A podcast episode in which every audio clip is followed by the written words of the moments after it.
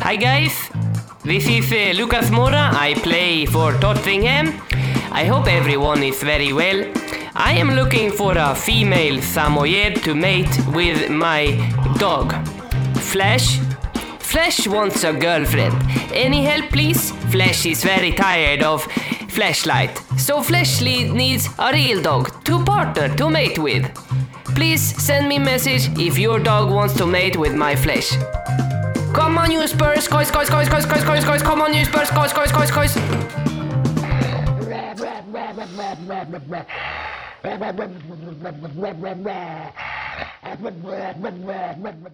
this is Ledley King, and you're listening to the Ledley Kings Need podcast. Podcast. Konsekvent, inkonsekvent Det bästa som någonsin hänt Du kommer aldrig bli dig själv igen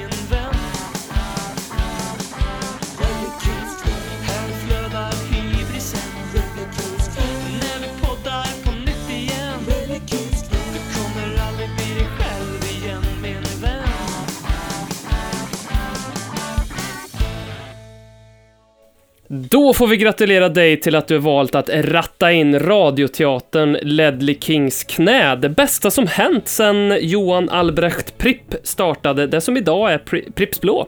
Eh, det gjorde han 1879, bara tre år innan ett gäng skolpojkar i norra London grundade det som är champagnefotbollsnästet i Tottenham Hotspur. Men mer om eh, Tottenhams historia en annan gång. Nu ska vi nämligen påbörja det som är ett tidlöst avsnitt av Ledley Kings knä. Eh, och det innebär att trots att den här podcasten spelas in innan matchen mot Burnley så kommer innehållet här att kunna avnjutas och förtäras precis när som helst. Eh, som någon vis man sa precis här, vi gör ju alltså tre olika avsnitt idag. Eh, ett som eh, vi kommer släppa ifall vi vinner, ett som vi släpper ifall det blir kryss och ett som vi släpper om vi förlorar. Så allt är väldigt äkta och rent. Eh, vi säger tack till Sportbladet som tack vare det hårda lobbyarbetet som vi har eh, eh, satt igång här sedan en tid tillbaka eh, skrivit en bibel om Tottenham som nu också finns i butik att köpa. Tio stycken lyssnare har vunnit ett varsitt exemplar och eh, kanske till och med redan nu fått det hemskickat till brevlådan. Tack till Sportbladet som agerar snabbt. Robin heter jag. Idag ska vi prata om The Tottenham Way, om Harry Winks och konspirationsteorier.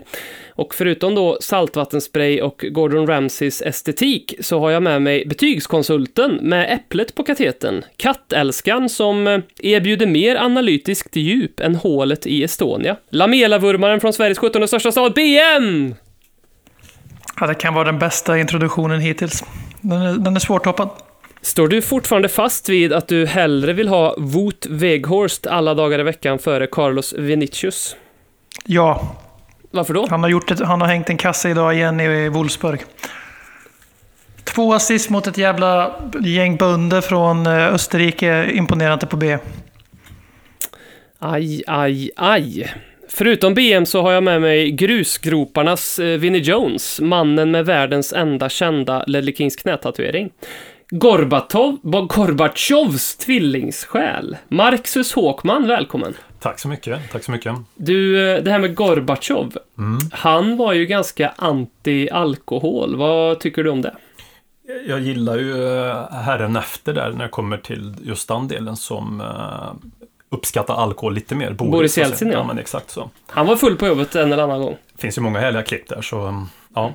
Mm. Team Boris. Mm, Team Boris. Eh, jag ska börja med att eh, redogöra för en sak som har blivit en liten kort följetong här.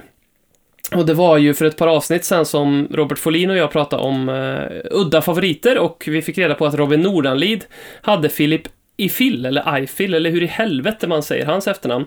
Men ni vet vem jag menar. Och vi har bett Robin Nordanlid, som ju är en trogen lyssnare av eh, Ledder Kings knä, att redogöra för hur det kommer sig egentligen att han håller på Filip Eiffel, för det, eller att, han, eh, att det är hans stora favorit. För det skulle också varit så att Filip Eiffel var den som fick Robin att hålla på Tottenham och det tyckte vi var väldigt märkligt.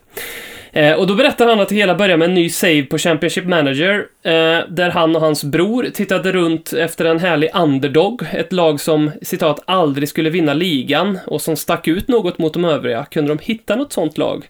Och då när de tittade på Tottenham så fanns det en hel del igenkänningsfaktorer som gjorde att de sa här är det, det här är vårt lag. Man hade profiler som Robbie Keane, Paul Robinson, Edgar Davids, men det var framförallt på ungdomssidan som kärleken växte till och då bestämde de sig direkt för för där hade ju Huddlestone med den solida kroppen och det hårda långskottet, Winston Baron Lennon, Jermaine Gina som kunde varit framgångsrik fotomodell. Det här är alltså Robins ord, inte mina ord.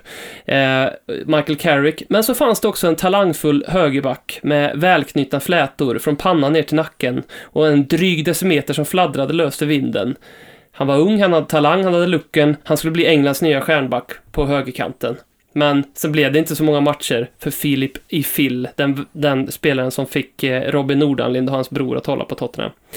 Eh, BM, har du någon... Jag frågade Håkman förra veckan och eh, han har nog tänkt på det här utan att komma fram till, men har du någon guilty pleasure? Något lag eller någon spelare du gillar som du kanske inte borde gilla? Uh, Guilty Pleasure-spelare är väldigt enkelt. Det är John Guidetti. Uh, tvärbänkad i Deportivo Alaves. Mm.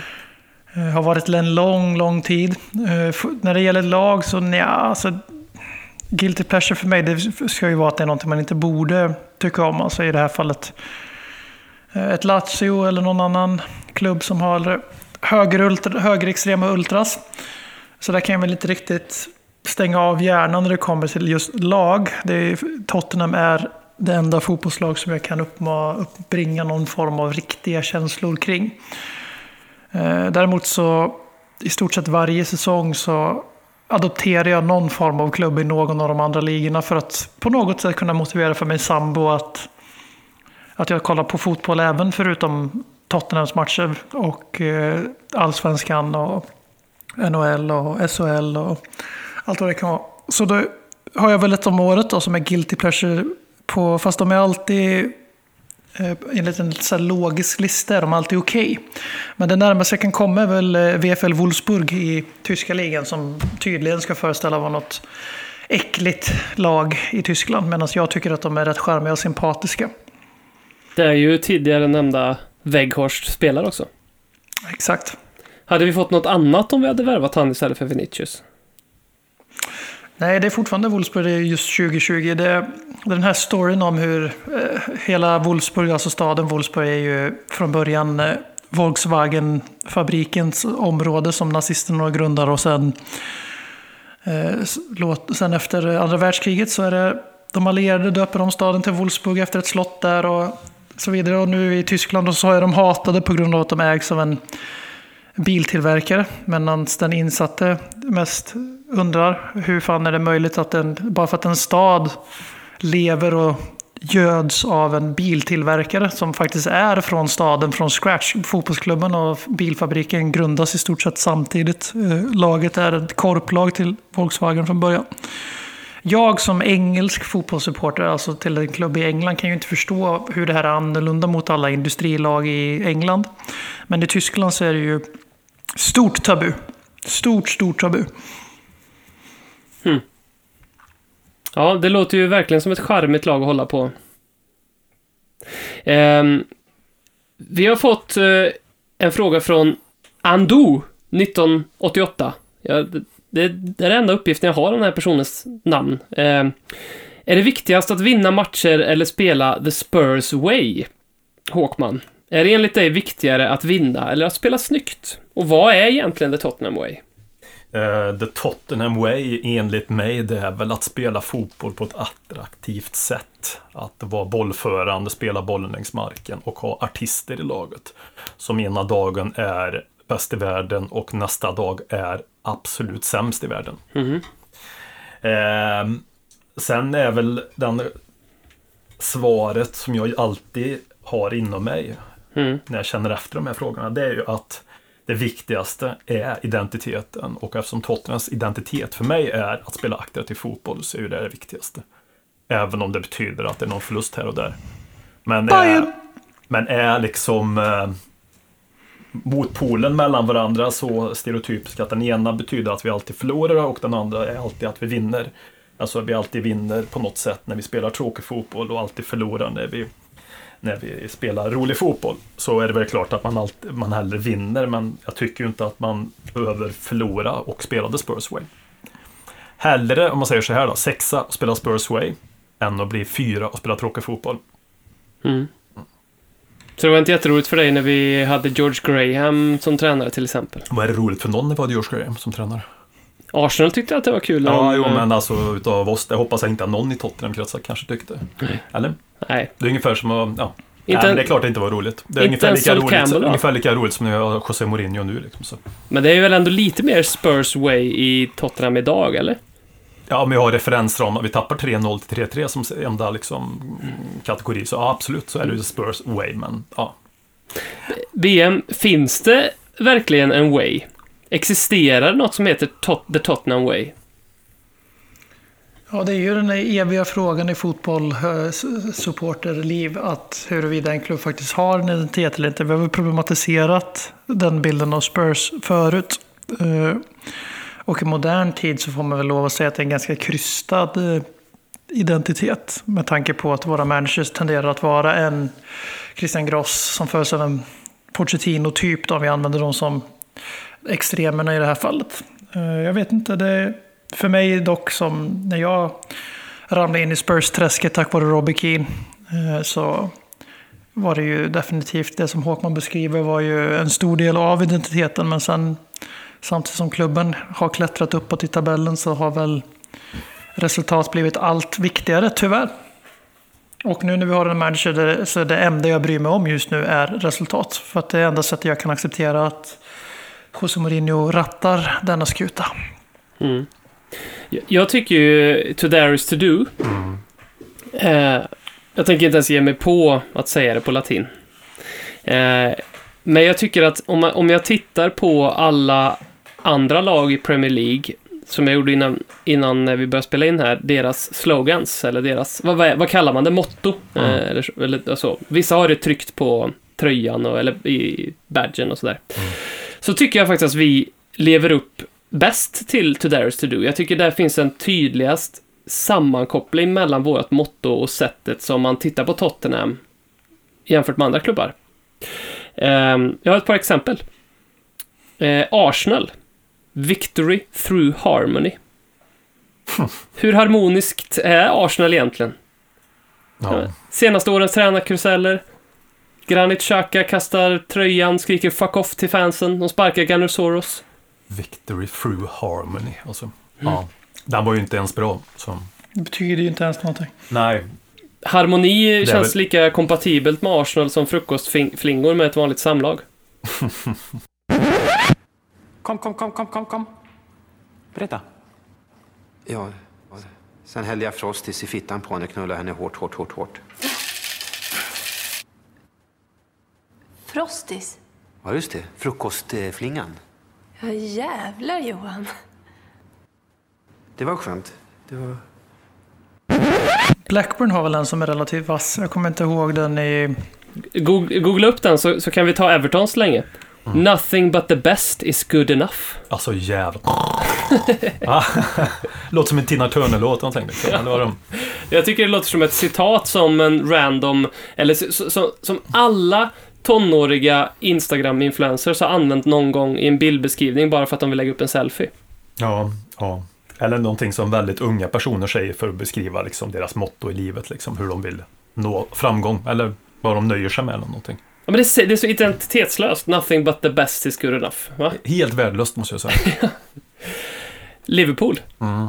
You'll never walk alone. Mm, jo, ja. Det är ju ett gäng som går själva. Vad, vad, ursäkta, vad sa du? Sa du Celtic eller Dortmund? Någon av dem. Jag hörde bara You Never Walk Alone. Så att jag tänkte, måste, måste vi prata om någon av de två klubbarna. Men de lever ju inte särskilt mycket upp till det. Det är ju bara en slagkraftig refräng de har eh, och något de vill trycka på t-shirts. Men det är ju inte någonting, alltså i Liverpool är det ju liksom, det är inte så att så här, ja men vi ska alltid ta hand om våra gamla spelare eller oavsett vem du är liksom. Mm. Eller fans eller så, va? Karius. Nej, men de går ju aldrig själva i alla fall. För var och varannan håller ju på dem som man brukar säga. Så det finns väl någonting där i alla fall då, kanske. Verkligen. De går ju ensamma en strid mot VAR nu helt plötsligt, ungefär sådär ett och ett halvt år efter alla andra lag i ligan, förutom Manchester United. Vad fan hände där egentligen? VAR kom på att man kunde döma emot Liverpool i, i situationen. Men den är väl ändå bättre än de övriga två har du sagt innan. Bortsett från våran i alla fall. Ja, men det är den ju. Det måste jag ändå ge dem. Den, den, den är ju den är bra, för den har identitet om man säger Den så. säger någonting i alla fall. Den säger någonting. Den är någonting mer, alltså jag går ju hellre till jobbet och tänker You'll never walk alone and nothing but the best is good enough. Eller den där uh, flum-flum Arsenal-grejen också. Victory through harmony. Ja, herregud. Ja, Det låter som någonting, ett amerikanskt eh, lag, alltså ett fotbollslag, ett riktigt fotbollslag, inte amerikansk fotboll. Eh, som, eller soccer team. Som de skulle kunna krysta fram något sånt, bara victory through harmony. Undrar många Arsenal-supportrar som känner till den till och med. Att de har den. Ja, ja, men det är lite det jag menar. Mm, för, jag för oss med Tottenham så tror jag att To Dare To Do är typ en av de första grejerna man adopterar som Tottenham-fan. Den står ju, det står ju lite överallt också. Mm, Alltså, verkligen. mm. Och Arsenal, alltså, jag vet att den typ är sån, det är inte Ve- Veni Vidi Vici, men det är, den är ju typ eh, så. Eh, Arsenals på latin. Den, men den, den, den ser man ju ingenstans. Nej, liksom. nej, precis. Eh, kanske också för att man inte tittar för att man håller på Tottenham. Men, eh. Ja, lite så. Eh, på tal om Liverpool. El Jocko. Prips i senaste podden. Utlottning av merch. Hoppa över Blackburn här nu helt plötsligt. Ja, ja. Jaha, förlåt. Här Blackburn. googlar man som fan.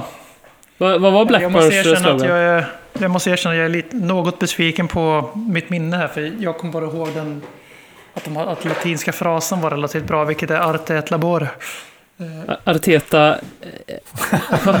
inte, art, inte Arteta, utan eh, skill, by skill and labor. Och det var inte Ja, alls, fint. det var inte så, det var den latinska frasen i sig jag tyckte var cool. Men by skill and labor, visst det kanske är Blackburn, sunkiga arbetare som vill gärna spela lite skill. Men eh, det kan jag inte säga att det genomsyrar klubben på något sätt, utan det är bara jag som har råkat se det på någon badge någon gång. Så jag ville bara, ville bara ha det sagt. Vi, vi fick den här frågan från El Jocko. Prips i senaste podden. Utlottning av merchkläder varannat avsnitt. Samarbete med Sportbladet. Håller ni sakta men säkert på att förvandla er till LFC-podden? Vad, vad säger du om det Håkman? Ja, men det låter ju precis som att vi går i den riktningen, eller är det, inte så? Är det en betalväg här snart? Ja, men det, det är väl på sin plats. Ja. Speciellt man får sådana frågor. Ja. Va? Ska, vi, ska, du, ska, ska du prova då El Jocko och göra en podd i sju år helt jävla gratis va? Va? Ja. Och inte ta ut ett jävla skit för det. Utan nästan betala för att det ska vara igång. Betala för Vi har, mycket. vi har ju gått De är- de är- super de- minus. De här, trö, de här tröjorna vi skickar iväg, de är ju inte gratis. Hur mycket minus har vi gått på att göra podden? Ja, alldeles för mycket i alla fall. Va? Vi, är inte, vi har ju gått mer minus än plus i alla fall. Otroligt. Men eh, så här skulle det i alla fall kunna låta nu, eventuella sponsorer, ifall ni vill vara med i podden. Då hade det kunnat låta ungefär så här. Vi på Ledley Kings knä har alltid trott på penisförstoring. Jag På rabattkoden Robin 25% så får du 25% på din penisförstoring. Password is too short. Och sen länkar vi till alla Arsenal-supportrar. Eh, ja, på tal om... Jag måste, får, jag bara, får jag bara säga en sak till om det här Robin? Nej. Eh, jo, eh, jag måste bara säga det här att vi håller ju inte på att bli som LFC-podden, men jag rekommenderar våra lyssnare där ute att se om, om det inte finns några organisationer, föreningar, poddar eller liknande kollektiv av idioter som vi, som helt plötsligt har en ganska liknande profil som LKK efter våra framgångar. Mm, just det. Så att du menar att vi att är, vi, vi är stilbildande menar du? vi, eh, vi kommer ju aldrig ta betalt för att lyssna på den här podden. Om ni gillar det vi gör så kan ni, kan ni dela våra, oss på sociala medier, rekommendera oss för era, era vänner. Det är väl egentligen det vi kan säga. Ja. Eh, såklart. In. Men, men om vi kommer bli LFC-podd... Alltså jag ska bara säga en sak som jag kom på när jag var hos tatueraren häromdagen. Och så tittade han på min Tottenham-tatuering. Och så sa han, eh, det där är den absolut vanligaste tatueringen jag gör. Och så tänkte jag bara, ha, han måste ju, vad, vad fan menar han? Och så säger jag, men vadå, det kan det väl inte vara? Jo. Ehm, och så säger jag, vadå, ja du menar alltså fotbollslogga? Nej, Ja. nej, nej, just den där tatueringen. Ja, Och jag bara, men det kan ju inte vara. Han bara, jo, det kommer in en Liverpool-supporter varje dag och vill ha den där. Och jag bara, åh herregud. Ja, men nu blev det ju alltså från jätteologiskt till jättelogiskt hur han agerade, tänkte och gjorde i alla fall. Ja, men, men om det är den vanligaste tatu- tatueringen han gör och sen Ja. så känner han inte ens igen den. Ja, man är så jävla trött på att göra den. Det är väl ändå kudos till den, respekt. Det är ju den gamla så. tatueringen jag har då. Så att det är ju, den är ju, det är ju hyfsat likt. Ja, hyfsat ja. likt. Ja, men jag, ändå, jag gillar det ändå någonstans. Han skiter i tatueringen, han bara gör. Blir dåligt Får också. säga att jag blev, jag blev otroligt orolig där ett tag. Att våran, hela vår image är om att vi alltid går emot vind och spottar i vinden och blåser rakt upp i ansiktet på oss. Men vi kämpar på ändå som en god gärning till våra eh, lyssnare som vi får lov efter sju år att anta att de är crazy eftersom de fortfarande lyssnar på oss. Men eh, du räddade ju upp det där med att det visade sig att det var LFC och inte Spurs som var populärast i Värmland. Det, är ju, det är ju mer sinnessjukt att lyssna på den här podden i sju år än att göra den. Det är klart, ja, det är klart som fan att det är.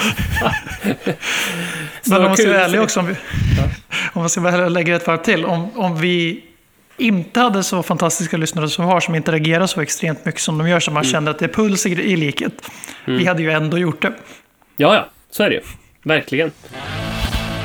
Vi är denna vecka sponsrade av Ingenting.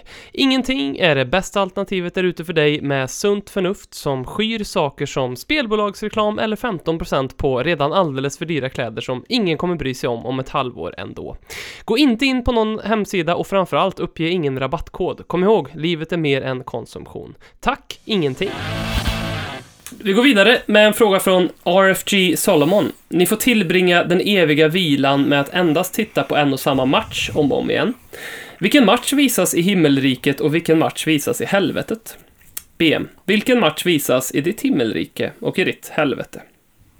Det tråkiga svaret är Amsterdam, så den tänker jag inte ta.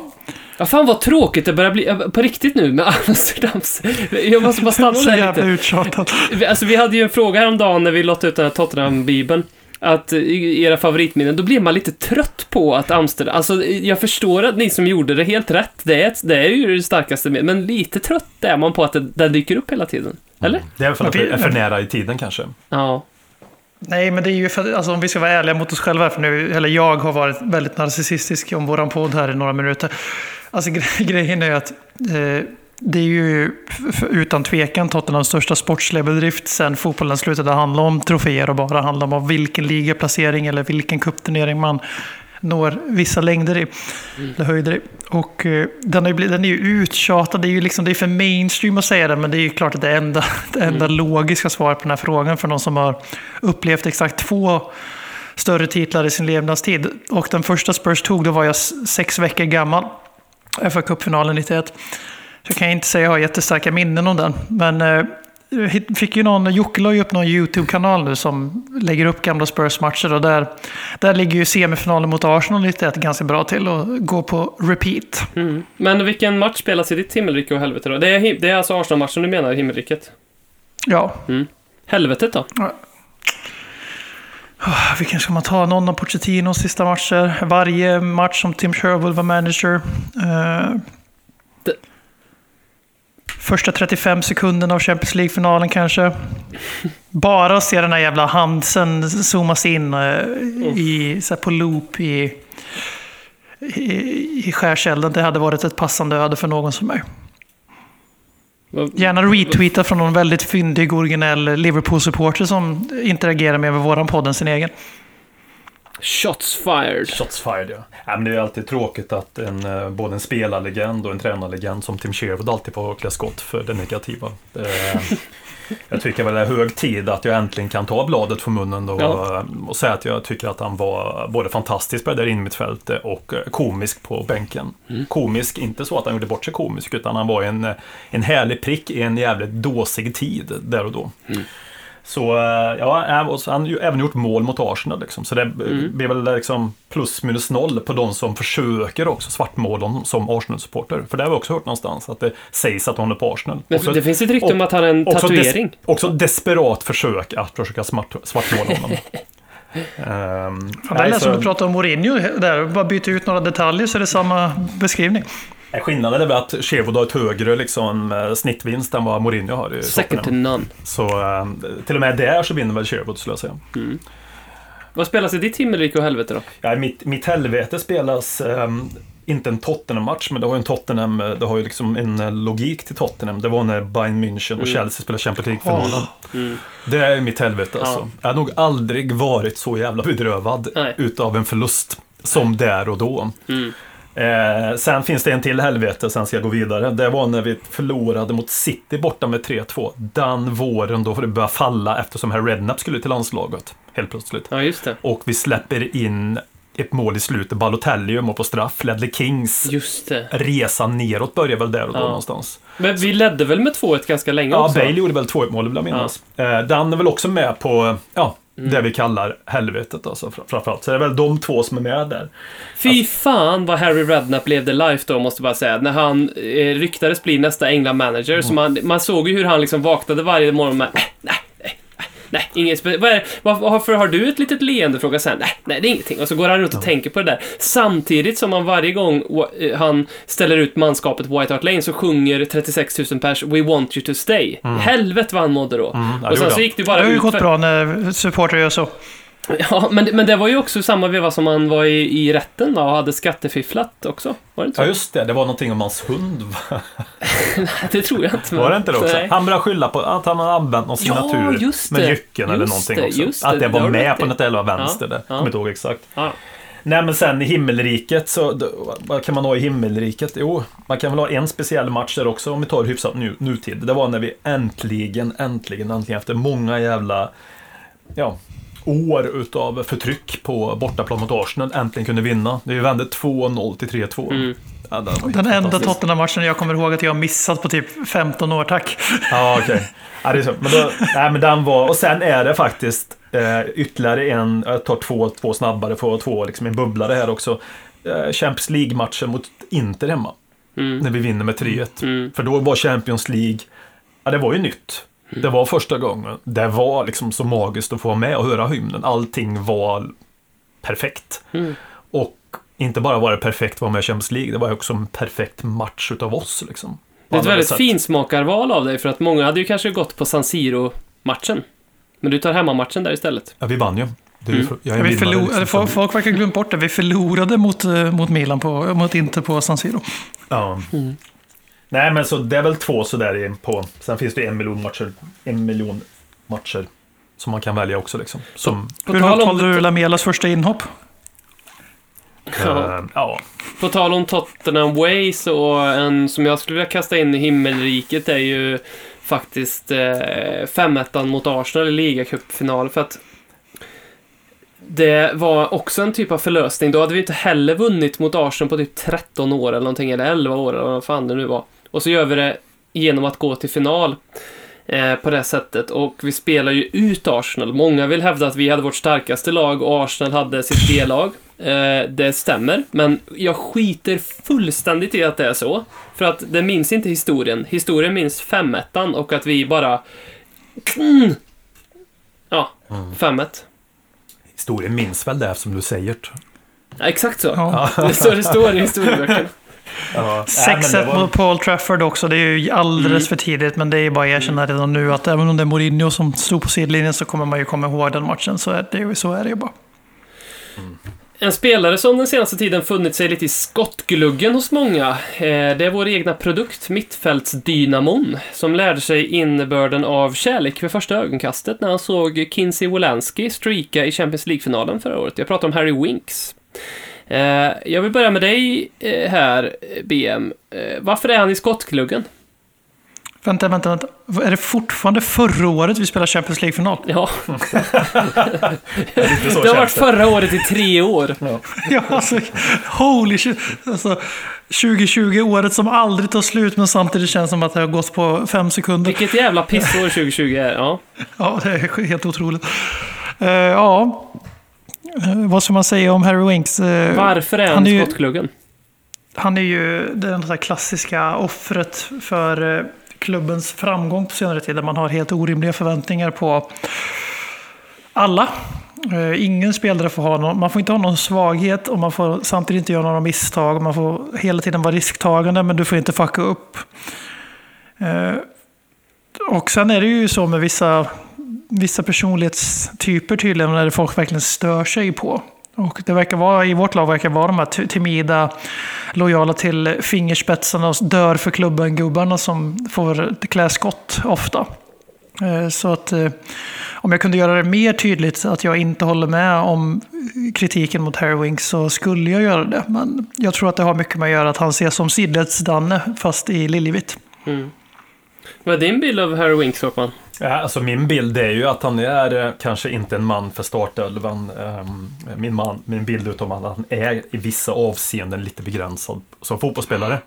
Men likt förbannat så är han så borde han alltid få vara i Tottenham precis hur, precis, precis hur länge han vill. För att han är vår gubbe och han är vår gubbe som du och jag sa senast när vi spelade in här, sen sex års ålder. Och det, det, alltså, han är inte där på samma regler som alla andra är där. Han är där på samma regler för att spela som alla andra. Men han ska alltid vara där på något sätt. Så länge han vill vara där. Och vi borde alltid stötta honom, för han är verkligen en av våra egna. Mm. Och om vi pratar om hjärtat i klubben och vi pratar om att om att, eh, att spe, vissa spelare inte förstår det och supporter. Han, han fattar ju ändå det. Liksom. Även om inte han alltid gör en fantastisk insats på planen, enligt en del, så borde han ju alltid premieras för hans enorma hjärta för klubben. För det kan väl ändå ingen ifrågasätta liksom, på något Mm. sätt.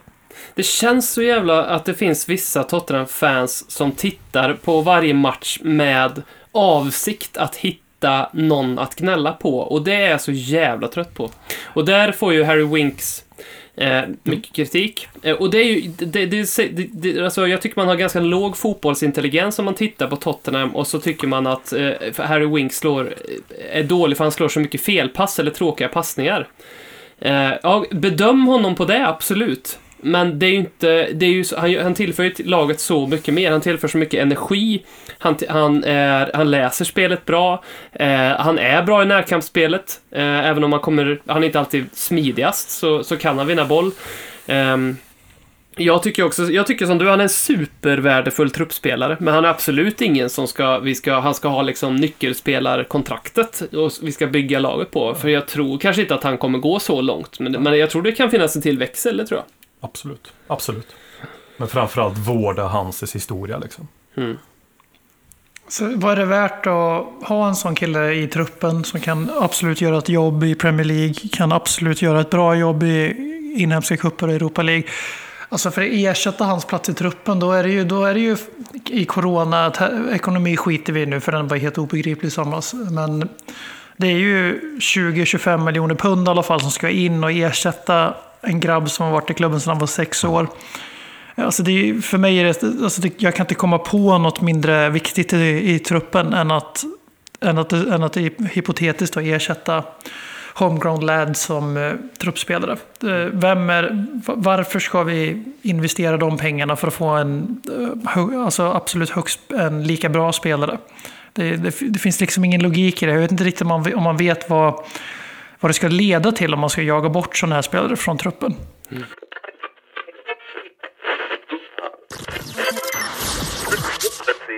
Du lyssnar på Ledley Kings knä. Du kommer aldrig bli dig själv igen. Johan Nygren har skickat den här frågan till oss. Är inte vad är meningen med livet en felställd fråga? Varför ska det underförstått finnas en mening med livet vi lever? Nu till min tidlösa fråga. Hur är känslan inför måndagens regniga bortamatch mot Sean Dykes Burnley? Jag tänkte vi kan dela upp den här frågan i två. Vi kan börja med det här med mening med livet och sen så kan vi, eftersom att eh, matchen inte har spelats så kan det bli kul för lyssnarna att eh, höra våra profetier. Eh, så kan vi alla få säga en sak som vi är helt övertygade om kommer hända med Burnley. Så vi kan börja med meningen med livet, Håkman. Vad meningen med livet är. Mm. Ja, ja. Eller? Det är, Det är väl inte riktigt- Egentligen är hans fråga varför är inte vad är meningen med livet en felställd fråga? Ja. Varför ska det underförstått finnas en mening med livet vi lever? Ja, och den är ju också jävligt lätt att svara på. eller? Nej, vad fan skit i det. Lev, lev som du själv vill leva. Så är du nöjd så är du nöjd. Nej, jag vet inte fan vad jag ska svara på den frågan. Alltså. Har du några bra svar? Har du funderat i kammaren? Jag tycker inte att det är en felställd fråga. Jag tycker att meningen med livet är meningen med livet. Alltså, Fan, det är alldeles för djupt. Det blir ungefär som eh, Arsenals det här Victory Ja, through harmony. Ja, precis. Det där var, det där var Drontens version av Victor True Harmony. Meningen med livet är li meningen med livet. Ja, men jag tycker det. Ja, meningen med livet är meningen med livet. Det är som att säga att... Ja, jag vet inte. Men det, ja. Ja, men att hitta... det känns som du gick runt frågan lite och gjorde det enkelt för dig. Ja, det gjorde jag. Eller? Ja, det gjorde jag faktiskt. Varför ska det finnas en mening med livet? Ja, men det ska det absolut inte göra. Då Det behöver ju inte det bara- Absolut inte. Det det finns är inte bara stress Allt är att jaga värdelöst. meningen med livet. Då tappar man ju, då, om man bara jagar meningen med livet hela tiden, då missar man ju hela livet eftersom att man hela tiden letar efter någonting annat. Det kallas, eh, fear of missing out kallas det, FOMO-syndrom. Mm, relate. Mm. Eh, jag kan eh, citera Livia Soprano från våran älsklingsserie Sopranos. Mm. Eh, It's all a great big nothing. Ja, men nu, vi närmar oss mer och mer. Pudelns kärna. Ja, tycker jag. Okej, om, eh, om vi går på den här delen av Johans fråga som är lite mer tidlös. Eh, Sean, hur går det mot, vad kommer hända i matchen mot Burnley, Håkman? Att Du är, Sean, helt, du är helt säker på det? Okej, Deitch, Sean, kommer vara hes efter matchen. Det är väl också en ganska självförut, eller? Ja. Ja. Ja, det kommer det vara. Mm. BM? Att eh, grabbarna gjorde en fantastisk insats. Harry Kane, Son, vilket jävla radarpar. Woo, Bale! Det var om vi vann. Eh, Om vi förlorar, Mourinho out.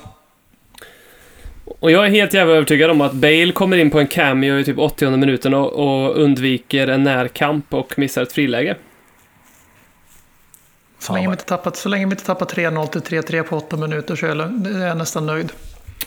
Fan vad värdelöst det var alltså. Det är ju sämre, vem var det av er som sa det? Det är sämre att, att göra det än att förlora med 6-1. Det var du som sa det, Håkman. När vi satt där i alla fall. Ja, bra. Ehm, Allan Yusuf undrar vilka konspirationsteorier poddens medlemmar tror på. Håkman. Ja, vad finns det för kons- konspirationsteorier där ute då? Alltså, jag eh, är ju en man av eh, fakta och reson. Jag tror inte på konspirationsteorier. Det Men- finns väl inga direkt men- ute. Om man tror på en Vad, vad, är, vad är en konspirationsteori? Ja, Vart precis. drar man gränsen vid en konspirationsteori? För att om är man... det det att, vänta, vänta bara säga en Ja, sak. Är det det ja, att nej. Olof Palme blev mördad av svenska underrättelseagenter? Eller Typ. vet, Mm. sån sak, till exempel Mm. polisen och den grejen. Mm. Är det en konspirationsteori Absolut. eller är det en åsikt? Mm, Förstår du? Jag förstår precis Försvår, du menar. försvår jag till det nu? Nej, eller är jag dum inte. i huvudet bara kanske? Nej, nej, verkligen inte. Men det är För, ju... ja, för, för den, den magkänslan många säger med konspirationsteori, som jag tror i alla fall, det är väl ett eh, World Trade Center. Mm. Ja, det hände, men det hände inte, alltså planen flög in men det fanns andra faktorer bakom det. Mm. Liksom. Okej. Konspirationsteori två, det är att, eh, och det vet jag, nu får du ta över här BM. För det här vet jag är ditt ämne fullt ut. JFK och, och varför han blev skjuten i Dallas Rest in liksom. peace. Vad sa du?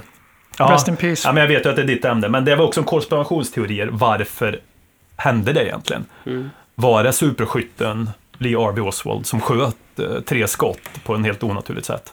Eller ja, vad är en konspirationsteori? Ska vi börja där, ungefär lite som meningen med livet? Men, eh, och sen så också så här, om man tror på en konspirationsteori, är man, är, säger man det då? Alltså, jag tror på en konspirationsteori, är det inte så att så här, man mer säger så här, så här var det här? Ja, men det är det jag menar. Ja. För, för dig är det ju ingen konspiration. Du kan ju Nej. förstå att det kanske kan se ut utåt sett som en Mm. konspirationsteori. Mm. Eftersom du läser väl vad de olika teorierna är och vad som klassas hos gemene man som Mm. en konspirationsteori. Liksom. Ehm, ja, Mm. Vilka konspirationsteorier tror du på, VM? Eh, en te teorier om konspirationer som har skett och vi inte vet hela sanningen. Eh, ja, precis som Håkman så har jag ju svårt som historielärare framförallt ta mig till eh, då hela mitt yrkesliv går ut på att förmedla någon form av fakta.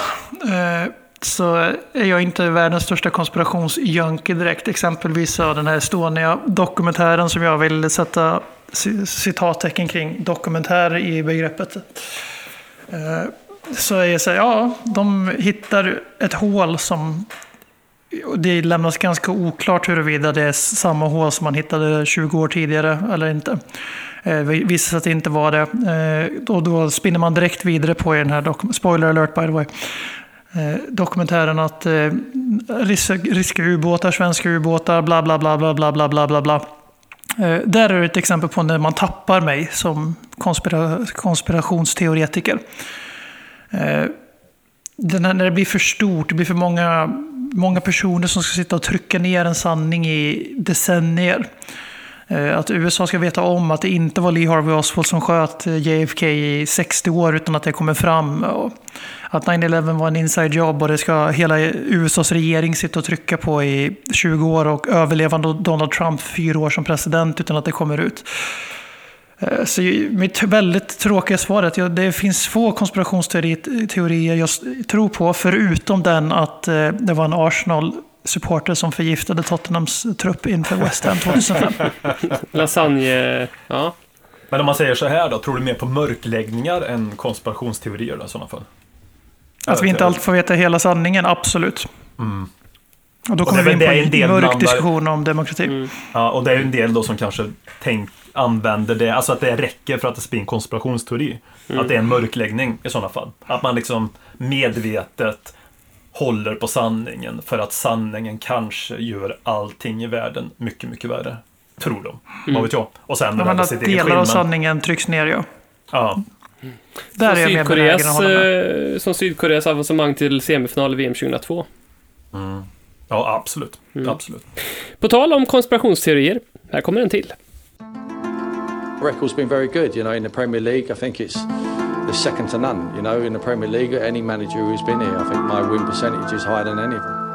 Three for me and two for them. Respect, respect, respect, man, respect, respect. Harry Kane och Real Madrid är som två magnetiska poler som dras till varandra. Förhållandet dem emellan är som gravitation, som magsjuka och som julmust. Hur mycket man än stretar emot så kommer de närma sig vare sig man vill eller inte. Med facit i hand så har Real Madrid lärt sig att det är otroligt nyttigt att värva från Tottenham. Men coronan har slagit hårt mot klubben och därför måste man nu hitta nya innovativa vägar för att lösa sina transfer targets. Som bekant har man ju inte lyckats värva en enda spelare inför säsongen 2021. Därför lanseras nu i Lelle Kings knä teorin om att Sergio Reguilón egentligen är en mullvad, utsänd av Real Madrid för att få Harry Kanes huvud att börja spana mot Medelhavets horisont och hans ben att börja pirra i längtan efter att springa iväg mot tjurfäktningens breddgrader. När man tänker på det så är det alldeles solklart. Varför skulle Madrid vilja sälja en otroligt lovande spansk landslagsback med framtiden för sig? Självklart lägger man in en återköpsklausul för att säkra sig om att Sergio efter avslutat mullvadsarbete kommer tillbaka för att dundra ner längs Santiago Bernabéus flanker. Man försökte länge med en så kallad rökridå. Man ville bygga ett rykte om att Reguljon ville bort från Real Madrid. Men om man tänker på det, varför skulle Reguljon vilja flytta från Real Madrid, världens största klubb, till Tottenham? Ett ruffigt område med darriga snabbmatsställen och oroligheter så fort solen går ner. Madrid som dessutom är hans hemstad och klubben som är där han formades från pojke till man. Den här rökridån bestod i att Reguljon skulle ha snott sin så kallade flickvän ifrån Zinedine Zidans son. Men inga sådana uppgifter finns. Och självklart är flickvännen en youtuber, ett påhitt. En snabb titt på Regular John eller Reguljon, en tydlig femma på den tiogradiga snyggskalan kan inte förklara hur han ska få ihop det med henne, en solklar tia. Det sista argumentet är Bale. Bale använder man som lockbete för att Tottenham ska gå med på en bekväm återköpsklausul i Reguljon. Bale är såklart helt ovetande om planerna, vilket är perfekt. Det skapar bara mer trovärdighet för Harry Kane när Reguljon, en kille likt han själv på väg uppåt i karriären, börjar smyga in lovord om Real och lämna kvar pamfletter om soliga och fina Madrid på bänken framför hans skåp i omklädningsrummet. Samtidigt sitter Bale, en dyster figur, en skugga av hans forna jag, bekvämt tillrätta i fåtöljerna inne på Hotspur Way och tuggar på chips som Moussa Sissoko har med sig. Fat and happy, tänker Harry Kane, det ska inte jag bli här. Det är enkelt att bevisa. Sergio Reguilón är en mullvad, placerad i London för att påverka Harry Kane till att ta nästa steg i karriären till Real Madrid.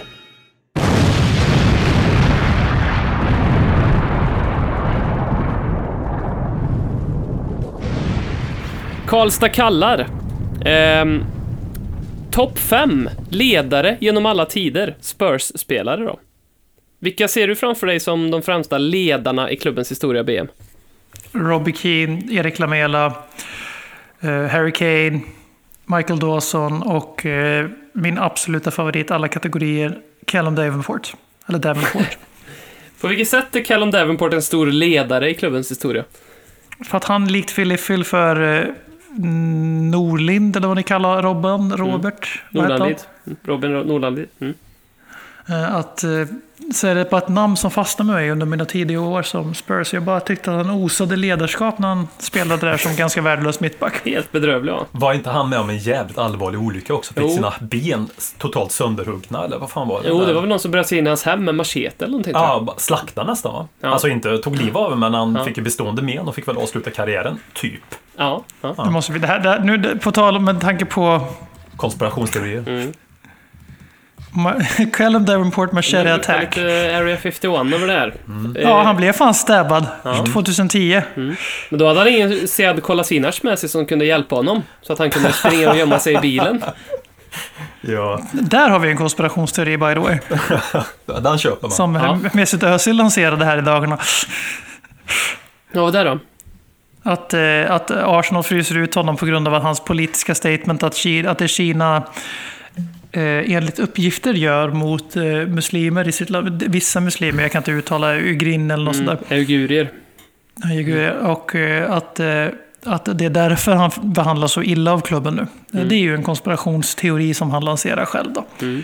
Eh, Att han då ska bli straffad för högst, högst rimligt politiskt statement att Jo, behandla inte människor olika på grund av religion, etnicitet, sexualitet eller någon sån här eh, självklara saker för upplysta människor. Mm. Nu är det lite dålig täckning här VM, men... Eh, dina ledare då, Håkman? Mina ledare, ja men alltså BM körde ju på sitt hjärtesvar från ungefär som den tiden han var född. Så kör jag väl på mina svartvita hjältar. Eh, för att symbolisera. Men vad, är en hjälte? Confucius, Julius Caesar. Ja men precis, ja, men nu håller vi ju med Tottenham, annars skulle ju svaren bli allt för eh, irriterande för många här om jag skulle ta mina liksom, ledare och hjältar där ute i världen. Stalin, Lenin, Marx, Gorbatjov, Nej, inte Stalin. eh, Göran. Persson. Inte Ja. Göran Persson ja. ja. Ja, men Göran Persson är väl en underskattad person. Så. Nej då. Men eh, i Tottenham-vägar så, alltså, det är ju någonting, återigen när vi pratade om bilder förut, när man ser Dave McKay lyfta upp Billy Bremner. Bara där så blir han ju ledare för mig. Det är ju den typen av spelare som jag nästan tar till mig allra mest. Sen är inte den här personen en ledare för mig, men jag vill bara göra klart för att det är inte så jag ser på honom. Men jag kommer ändå säga, en- ingen Tottenham-ledare, men i en enskild match så var han för mig en Tottenham-ledare. Det var Gustavo Poyet när Sol Campbell kom tillbaka 2001 och skulle möta oss. Och Poyet visade ganska tidigt i den matchen sin totala avsky till Sol Campbell. Och markerade och visade sin jävla hjärta i den matchen. Minns det som igår. Han gjorde också en sen kvittering, om jag minns rätt med Poyet. Men framförallt var det det. Men han är ingen ledare, en eh, bubblare så att säga. Sen, sen vad har vi mer för ledare? Eh, anrika, fantastiska, fina klubben som vi har liksom. Ja. Fick jag bestämma så skulle spelare som eh, Paul Gascoigne och Ginola också vara ledare i Tottenham. För det är ju the Spurs way, att spela som de gör. Så, så vad är mina svar? Dave McKay, Ginola, Gascoigne, Gustavo Poyet. Jag tar de fyra. Poirier tycker jag det är fint för han är lite underskattad. Han var ju också assisterande manager under Ramos, va? Han var väl tolk mer kanske? Eller? Ja, precis. Ja. Men det var han nog. Alltså inte bara språkligt utan också för att Ramos skulle förstå vart han hade kommit någonstans. Och... Det var ändå en spelartyp jag gillar. Mm. Det är alltså den typen som han var. Alltså mycket jävla hjärta. 100% jobb hela tiden. Ganska målfarlig också. Mm. Kom på ålderns höst. Som vi köpte rätt många spelare där en sväng på ålderns höst. Mm. Det var ju samma veva tror jag när vi köpte hem Teddy Sheringham. Tror jag också när han kom tillbaka en Mm, andra men- sväng där. mm. Så säga. Som ganska många spelare har gjort i Tottenham. Fina, tillbaka. fina Teddy Sheringham. Jag tycker att eh, en... Jag vågar säga det här nu eftersom att du tog sådana här exempel för att jag hade också börjat tänka på så här eh, Danny Blanchflower och Steve Perryman och Ledder King. Men jag tänker ta några andra då. Ja. Eh, eh, Rafa van der Wart var ju för mig en ledare för att han med sin entusiasm eh, som kunde få igång en match eh, både på läktaren men också på planen med sin briljans och med sitt engagemang. Det kändes som att jag tror att spela i samma lag som honom, lite Lewis Holtby-syndromet, men han nådde aldrig riktigt den höjden, tycker jag. Ehm, Tycker någon det? ja, det tror jag. Det finns Lewis Hol- Holtby. Att, att, att vem nådde vems höjd? Ja, Lewis Holtby nådde Rafael van der Vaarts entusiasm och engagemangshöjd. Inte fotbollshöjd nu. Utan okej. att han... Ja, Att han Ja, kan, man, kan man nog diskutera, för det var Lewis Holtby också jätte, jättebra på. Men Rafael van der Vaart för att han för att han verkligen tog det till sin grej att pissa på Arsenal. Ehm, och det är så viktigt att spelare gör sånt. För att eh, alla, även om man inte har ett stort Tottenham-hjärta och spelar i Tottenham, så tror jag bara att känslan att gå ut på ett derby och det är någon som drar igång det här, det gör mycket. Det ger en extra... Eh, det, det, det är bra. Det, det, det är sånt, sånt behöver vi. Mm. Eh, hur bra kunde Darren Anderton blivit ifall han inte var skörare än en tant, undrar också Karlstad kallar. Eh, jag vill börja med att svara på den själv, eftersom att han är min, min lilla barndomsidol. Ehm, jag skulle faktiskt vilja säga så här. Jag tror att vi, det vi fick av Darren Anderton var absolut max. Jag tror inte att han hade blivit särskilt mycket bättre om han hade varit mer frisk. Eh, och om man ska vara helt ärlig så det här Sick Note, det smeknamnet fick han ju innan Tottenham dessutom. Eh, och jag tycker det är lite fel. Man minns, jag tycker det tar ner honom väldigt mycket att man minns honom på det sättet. Han gjorde typ 300 matcher för Tottenham. Eh, över 10 säsonger. Det är typ 30 matcher per säsong. Plus att han spelade en hel del landskamper. Så det tycker jag är lite orättvist att benämna och labla honom som en skadebenägen spelare. För han spelar faktiskt ganska mycket. Han hade absolut kunnat spela mer. Jag tror inte att vi hade fått så mycket mer av Darren Anderton eh, om han hade varit frisk, faktiskt. Jag tror däremot att vi hade fått det att vi hade mm, eh, mints honom på ett annat sätt än vad vi gör. Om någon tar upp Darren Anton i rad, så ja, ah, det är han som var skadad, ja, det är Sicknote liksom.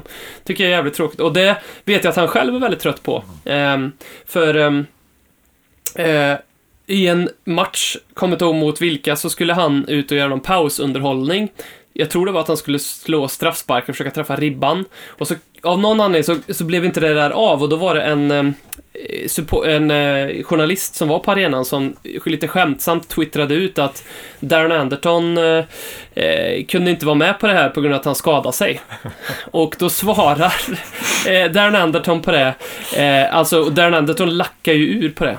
Eh, jag tror att hans svar på riktigt är du, men du din dumma jävla åsna, du bara hittar ju på. Alltså det, det var liksom, det var inte så här, ha ha ha, nej, det, alltså, utan det var liksom, Det är känsligt för när jag fuck you var det. Eh, Alltså ja. det ju, blir ju för varje stavelse som kommer ur Robins mun så blir det ju tydligare och tydligare att Darren Anderson var Erik Lamela för eh, Erik Lamela var Erik Lamela. ja, faktiskt. Bra, väldigt bra liknelse. Eller att Darren Anderton betyder lika mycket för dig som...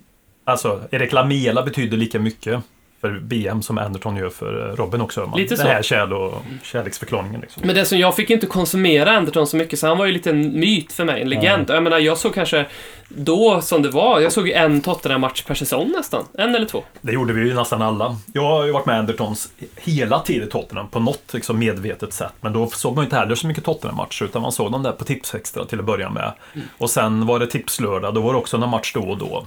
Och kanske möjligtvis på TV1000 som köpte rättigheterna där på söndagen också, så man såg den matchen. Man såg inte heller så mycket liksom. Men eh, ja.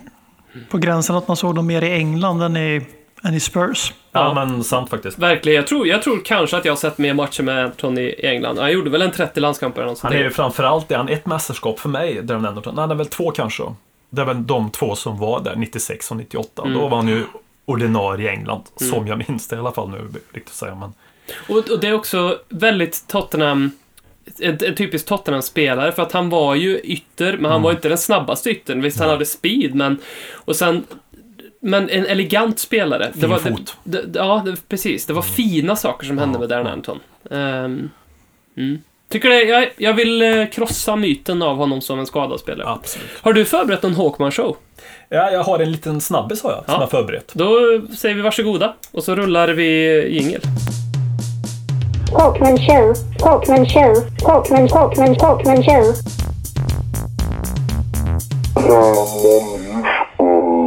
Idag tänkte jag köra den kanske snabbaste Håkman Show. För att jag har sökt efter fakta på den här personen och inte hittat det. För jag hade hela tiden tänkt och haft den här personen.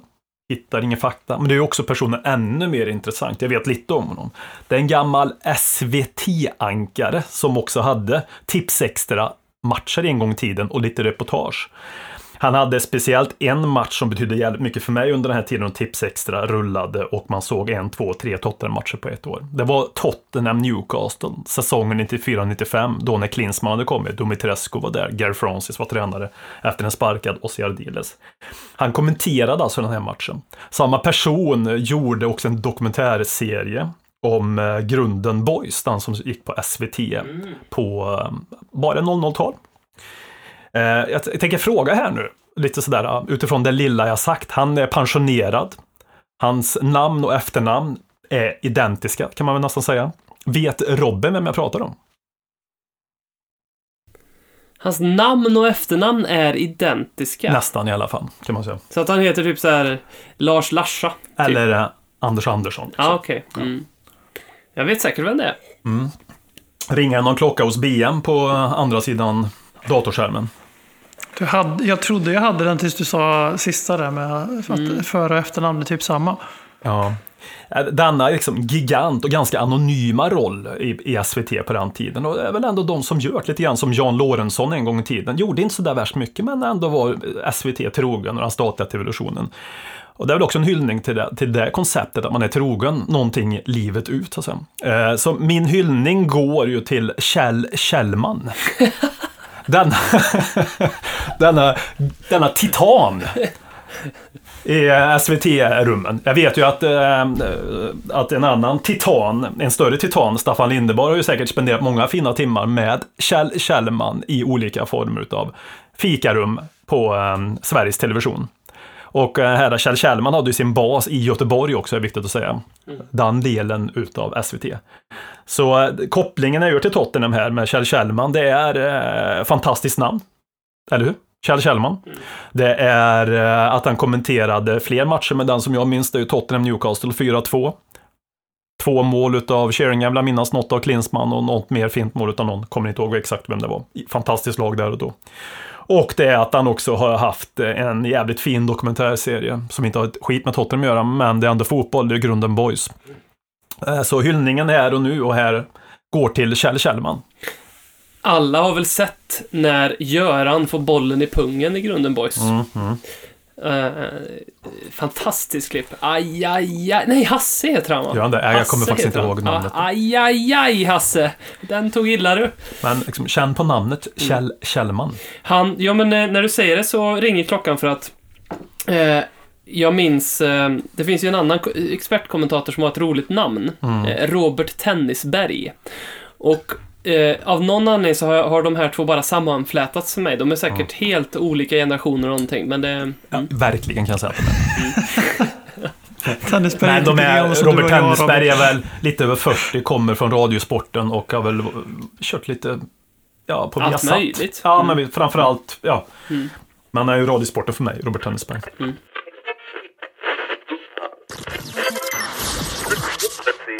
Du lyssnar på Ledley Kings knä. Billigare än terapi, roligare än knark. Karin har skickat oss en eh, fråga som egentligen, den är ganska lång, men sammanfattat så eh, är frågan, vad hade Tottenham varit idag utan Harry Kane egentligen? Och vad är det som gör att han är så bra? Särskilt fokus på planen, vad är det han bidrar med och vad han kan? BM. Ja, vad bidrar han inte med? är Väl, alltså det är ju... Jag tycker det blir väl tydligare och tydligare. Eh, han, han var ju lite på väg nerför, enligt många. Han har hela karriären alltid begränsats av åskådare med alltså smädesord i stort sett. Happy in merchant, one season wonder. Eh, Och det har ju alltid varit ett tecken på hur fruktansvärt jävla skitnödiga alla andra supportrar har varit inför honom. Och att, och nej, Tottenham håller på att få en, inte bara en Harry Winks, utan en Harry Kane som är den här killen från akademin som inte bara är från akademin och, tillför vid sidan av planen, utan han är också de bästa spelare på planen. Och jag, den Harry Kane vi ser nu 2020 är ju fan mig på gränsen till den bästa Harry Kane vi har sett. Vi får se om det håller en hel säsong till att börja med, men jag tror inte det det, är svårt att sätta Mm. ord på. Mm. Det är svårt att sätta- sätta ord på vad han, vad han betyder på planen. Han är lagets utgångspunkt i offensiven. Han är motståndarnas största huvudvärk. Eh, de gameplanar efter honom. Eh, han får spelare som Son som är ganska begränsade egentligen om man ska vara helt ärlig. Det är en eh, modest, mer bättre tänkande fotbollsspelare än vad Lucas Moura annars är väldigt lika. Men han får honom att se ut att vara ja, alltså världsklass, världsklass. Och det är just för att Harry Kane har tagit på sig att bli Christian Eriksen när det inte finns någon Christian Eriksen som matar honom längre. Då får han vara Harry Kane och Christian Eriksen. Vilket betyder att han är definitivt topp tre i klubbens historia när det gäller spelarkvalitet. Det är ju en ganska intressant frågeställning. Vad hade Tottenham varit idag utan Harry Kane? Säg att Porsche-eran hade fått fortlöpa, men att vi hade sålt av Harry Kane strax innan, eller precis. Hade, hade, vi, kommit, hade vi kommit dit vi är nu? Vad tror du, Åkman? Alltså, det tror jag ju definitivt inte att vi hade gjort eh, utan en Harry Kane. Alltså, jag ser väl att hans liksom symbolvärde när vi började den här resan, han var ju också han gjorde ju även mål och var duktig på fotbollsplanen men det fanns en jävla, han var liksom oket i den här symbolen med Mason och Alltså, ja, Mm. ser man vid Bentaleb även då liksom på Mm. något sätt. Alltså det kom många där och då i den där vevan och han var den frontfiguren utav allihopa. Ehm, och har utvecklats med tiden och stadigt blivit bättre. Bortsett de senaste kanske ett och ett halvt åren. Men har fått en ny uppsving. Så han, alltså, symboliken för Harry Kane och värdet han har och nivån han sätter kan jag tänka mig i, i truppen. Hur man ska uppträda och hur professionell man ska vara också. Den är väl också jävligt viktig. Mm. Men det finns väl en sak jag bara säger, det som är starkast för mig utav honom på planen som jag tror att gör honom som gör honom så bra, det är ju många saker, men om man får välja en enda sak i den här äh, skålen utav godis så väljer jag hans fotbollsintelligens. Som jag tror Absolut. att han är, som gör honom så jävla bra och som kommer göra honom bra över lång tid så länge han är någorlunda hel och frisk. Det är bara att titta han, hur han är nu i sitt, eh, han är i spelet, sista passningsspelet som, som BM sa att han har fått tag i Eriksens roll eller han har undermedvetet, medvetet och allt tagit hans roll också och gjort det. Ja. Gör han det bättre än Eriksen? Nej, han gjort det inte sämre i alla fall just nu. Nej. Han, det är två saker som är ganska imponerande. Den ena är en liten tillfällighet tror jag, för att när jag tänker tillbaka på det Tottenham, som du är lite inne på det, han var symbolen, han var galjonsfiguren för den nya vågen av spelare som kom igenom under Pochettino, exakt den typen av spelare som Pochettino vill ha. Så det är en liten tillfällighet, både för Pochettino, att det kommer en sån kille, och att för Harry Kane, att chansen också kom. För hade vi hade Harry Kane kanske kommit till Tottenham idag, då hade kanske inte hans kvalitet, det hade kanske inte skinit igenom lika mycket att det kommer någonting. Man hade tittat på honom mycket mer som en fotbollsspelare. Tänk den här äh, matchen, jag kommer inte ihåg vilka det var mot, men när vi släpper in ett mål på en frispark, jag kan ha varit mot Liverpool, när Etienne Capoue och jag tror det är Emanuel Adebayor, hoppar i muren, men båda skyddar sig för att inte få bollen på sig, så bollen går mellan dem, kommer ni ihåg det? Och, och det blir mål. Det var ju typ precis då när Pochettino bara, nej, de, de här killarna kan dra åt helvete. Och precis då, då fanns den här Harry Kane att skjutsa in, som är raka motsatsen, som liksom, han, kan, han skulle ställa sig och vresa upp pungen och låta bollen träffa där ifall det skulle innebära att det inte blir mål, liksom. Exakt rätt till, till, tillfälle för hans personlighet. Och sen så växer det. Och det som också är så imponerande med honom, han gör det här, han blir, han är den som gör målen, han är den vi kan bygga vårt anfallsspel kring.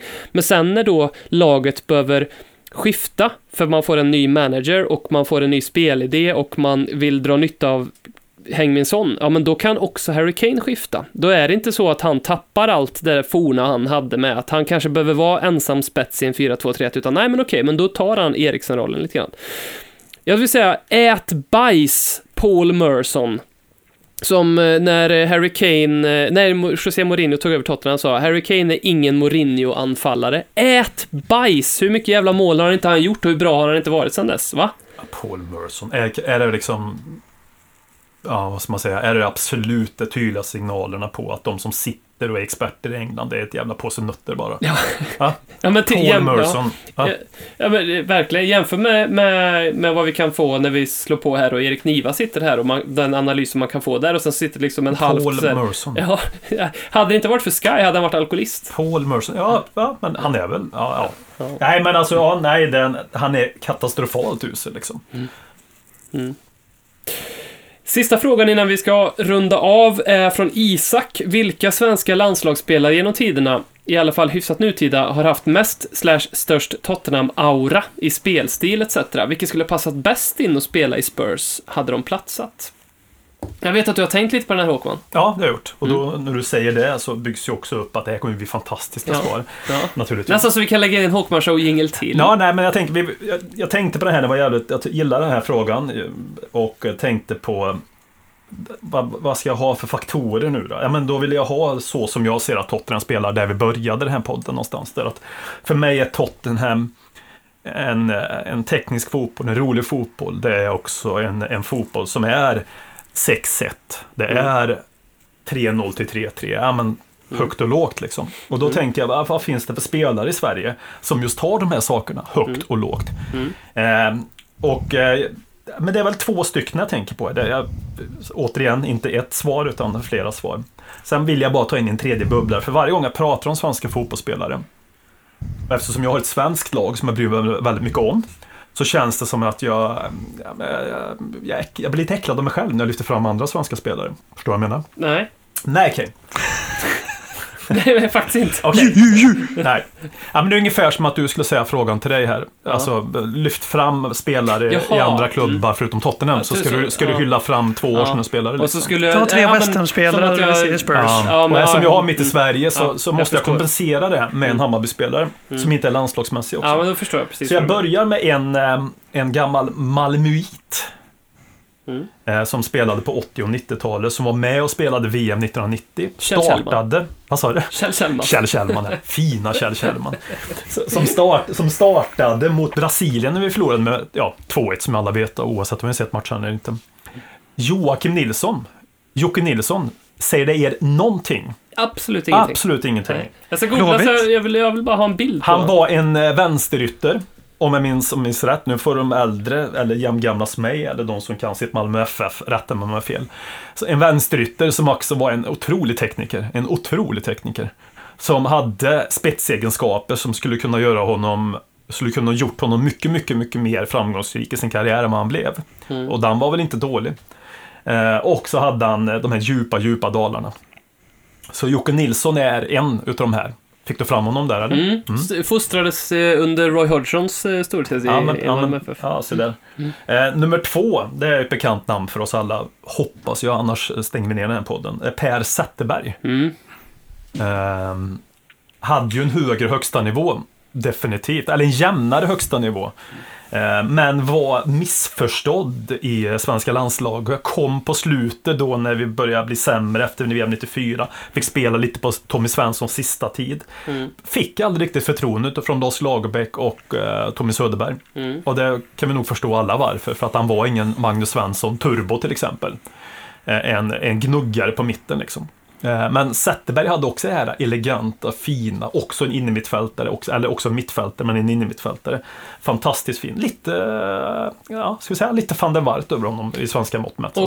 om vi jämför honom med Glenn Hoddle och Paul Gascoigne, Mm. som ju är Ja, vi kanske ska jämföra dem fotbollsmässigt, jag vet inte. Men de kan va- ha sina stunder av briljans, men det finns också ett mörk, mörker, eller det finns också en akilleshäl kanske. Ja, men Så hade precis. ju Per Zetterberg eh, astma och diabetes och... Diabetes, hade han astma också alltså. Mm. Mm, ja.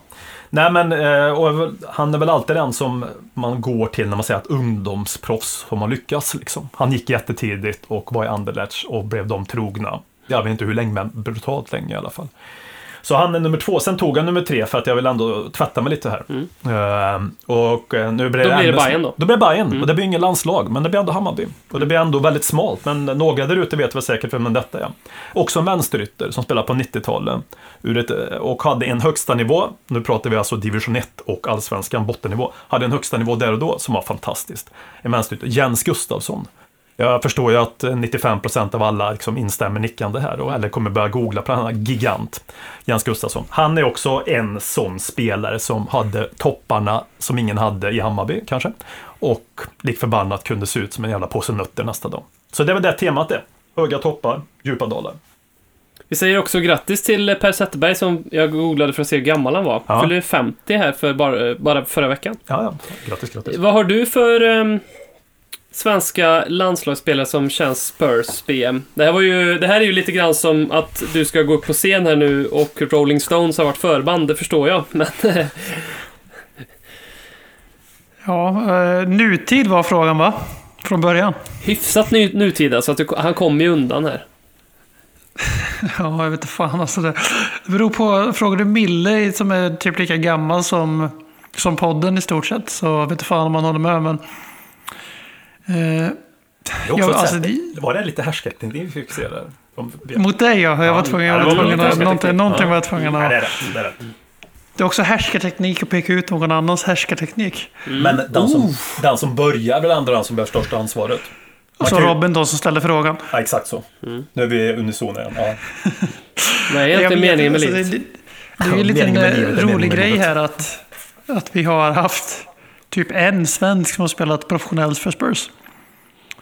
Eh, och det säger väl det mesta. Jag, vet inte, jag har svårt att komma på några. Det är ju Håkmans eh, Per Zetterberg kände jag, den, den passade jävligt bra. Mm, verkligen fint. Han hade också, när han var som bäst, hade ju han faktiskt tillfört någonting också. Absolut, verkligen. Men Jämfört med att Tottenham inte alls var lika bra då. Nej, Mm. naturligtvis. All respekt till 50-åringen Per Zetterberg.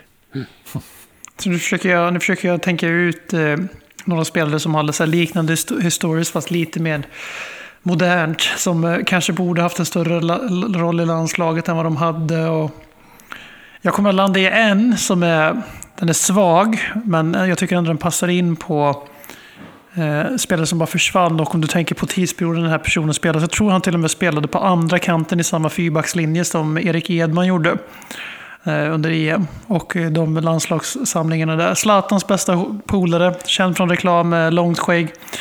Eh, namngavaren till mitt smeknamn i Lidköping, Salle. Och eh, jag, jag nominerade Alexander Östlund på högerbacken i Spurs på mitten av 2000-talet. Han hade inte gjort bort sig där under några år. Eh, minst lika bra som Erik Edman. Och lite mer flärd i honom också. Lite mer Spurs way än vad Erik Edman var. Eh, ingen offens mot hans mål från halva plan på Anfield. Eh, John Guidetti, givetvis. Eh, motivering är överflödig. Och sen i dagens landslag för att koppla till folk födda på den här tiden av färg-tv. Så slänger jag ju in, eh, det finns bara en spelare i dagens landslag som skulle kunna ha någonting i Spurs att göra. Och det är Dejan Kulusevski. Han är väldigt Spurs, men eh, tyvärr redan på för hög nivå för Spurs. Vet du vem någon av de här tre är Robin? Ja, herregud. Vad fan. Alexander Östlund. Härskarteknik. Alexander Östlund var ett fint val tycker jag. Du tog vidare det och slutade på något sätt i temat kände jag. Mm. Jag vet vilka alla är. Men han tycker jag Rödkortmannen ju Alexander på Östlund. riktigt hade passat in i Spurs. Då är det ju ett Mm. fe- fegt val som hade varit Edman och han. Båda två Ja, hade gjort bort sig under, under den tiden. Men vet- han har också spelat i Hammarby, Robin. Mm, det var det jag menade med att jag slutade med min och så han tog vidare. Men alltså, jag vill bara säga en sak. Du sa ju förut tidigare på podden att du var jävligt... Ja, men bör man inte tröttna lite grann på eh, Ajax, semifinalen och alla Mm. mentions där? Mm. Eh, och jag kommer ju tänka på, att du sa en viss spelare här och en viss mention med honom, en sak som han borde själv vara jävligt trött på, Erik Edman, det är ju hans jävla mål mot, Mm. eh, på Anfield, som är fantastiskt. Mm. Men fort man nämner Erik Edman, fort han är med i en podd, så ska ju nästan det bli hans livsverk på en fotbollsplan. Mm. Eller? Mm. Är man inte lite trött på det också? Verkligen. Alltså, han borde vara det. Ja, men jag är till och med trött på det. Du är trött på Ja. Jag tänker, jag, vå- jag vet inte om jag vågar kritisera Bibeln, men han är ju alltså med på listan över största profiler i Spurs historia. Va? Va? Ja, han är Va? med på listan. På vilken plats? Eh, Jag har inte den, med, jag har inte den på Det är mig ju just nu. Men, men han är med på befängt. listan i alla fall. Det Är, är det Helt ironisk lista eller? Nej, det är en seriös lista. Kane är femma. Vem, är, alltså, vem, är Vad det, säger vi nu? Så här, vi, jag, vem jag, är det som har gett input till det här? Ja, Jag tror att det är att han är den enda svensken som har spelat professionell fotboll för Spurs. Ja. Ja, men det spelar Det- för fan ingen jävla roll. Vad fan? Ja, det är ju otroligt dåligt. Ja.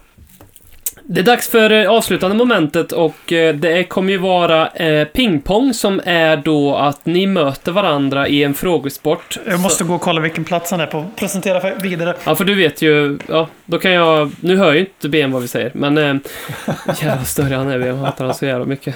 Eh, hans mick funkar ju skit också. Eh, ja, nu, nu är BM tillbaka, och eh, pingpong går ju då ut på att ehm, eh, ni kommer tävla mot varandra i ett ämne och BM kommer att börja Och Nej, eh, du kommer helvete. säga någonting som du tror är rätt. Och har du rätt så går frågan över till Håkman. Och så fortsätter det så tills någon av er säger fel. Och då har den eh, sa, eh, som senast sa rätt vunnit detta. Ehm, och, ja. En fråga där. Om BMC är fel direkt, Mm. har jag vunnit då? Eller måste jag Ja. svara Ja. ett rätt? Alltså, du och har sen om vunnit det då. går vidare på samma sätt menar Ja, jag nu då? nej, det- tävlingen är över när någon har svarat fel. Så men du då- kommer att ha rätt. Ja, jo, Ja. men jag bara tänker ja, men längre fram. Ja. Fråga fem om han svarar fel och så måste jag svara rätt på fråga fem då. Ja, det behöver du göra. Ja, det var så jag menade. Ja, ja, förlåt. Ja. BM, vilken, vilken... Här har vi det. Det här är ju...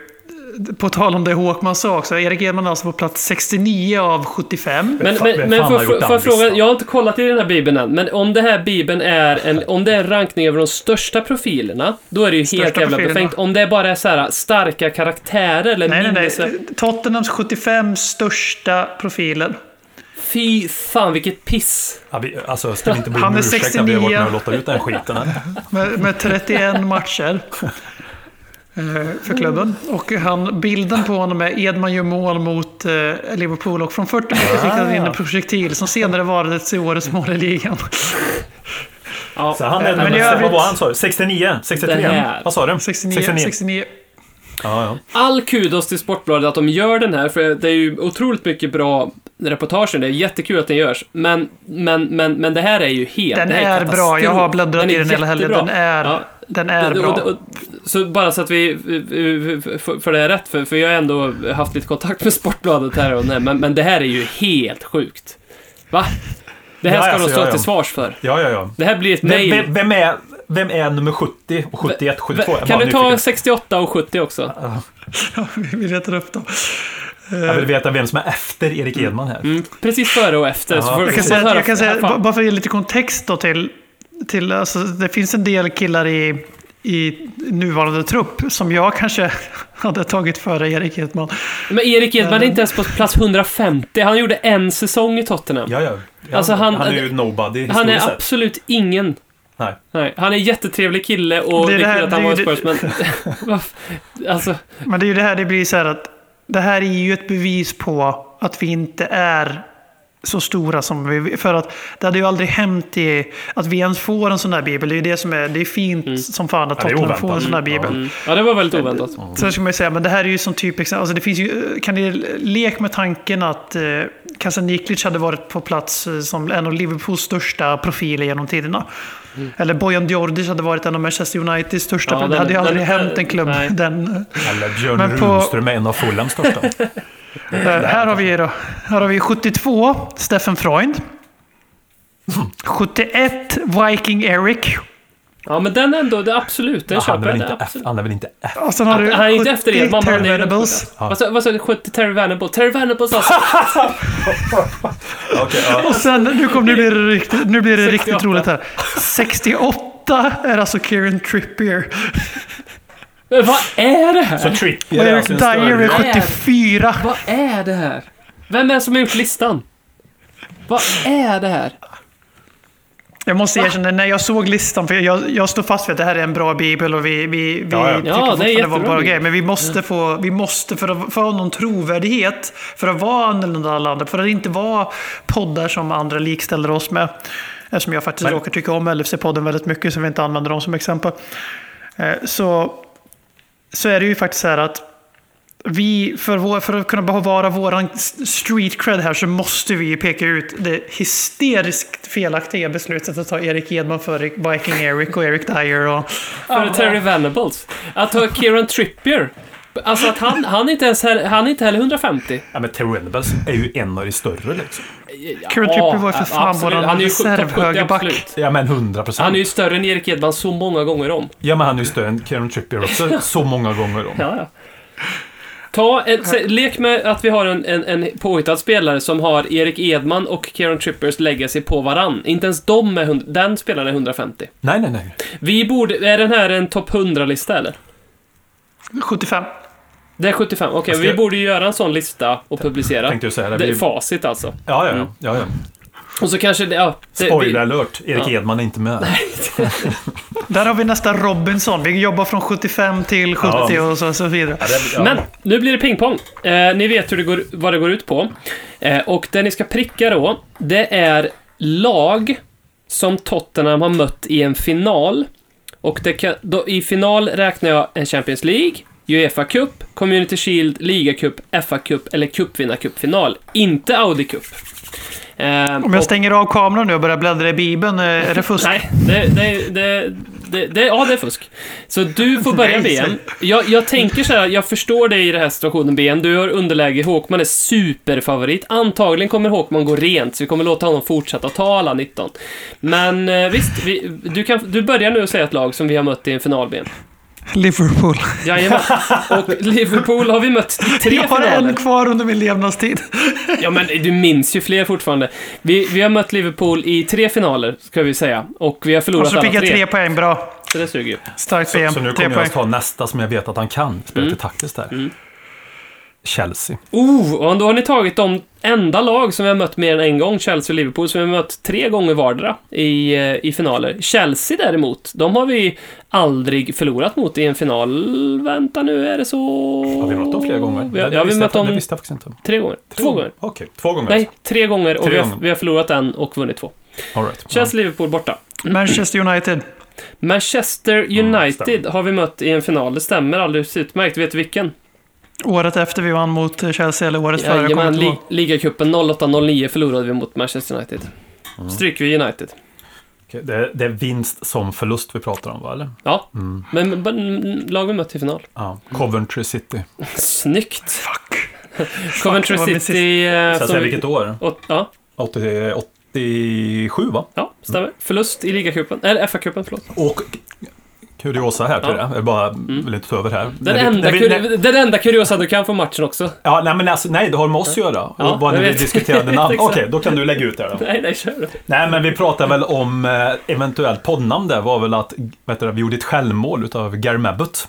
Japp. Så vi skulle ha någonting med han och självmålet som ett eh, För det poddnamn. heter ju Coventrys supportermagasin. Exakt så var det till mig. ja. Mm. Var ju där, där, där, där fick de namnförklaringen, lyssnarna, efter sju år.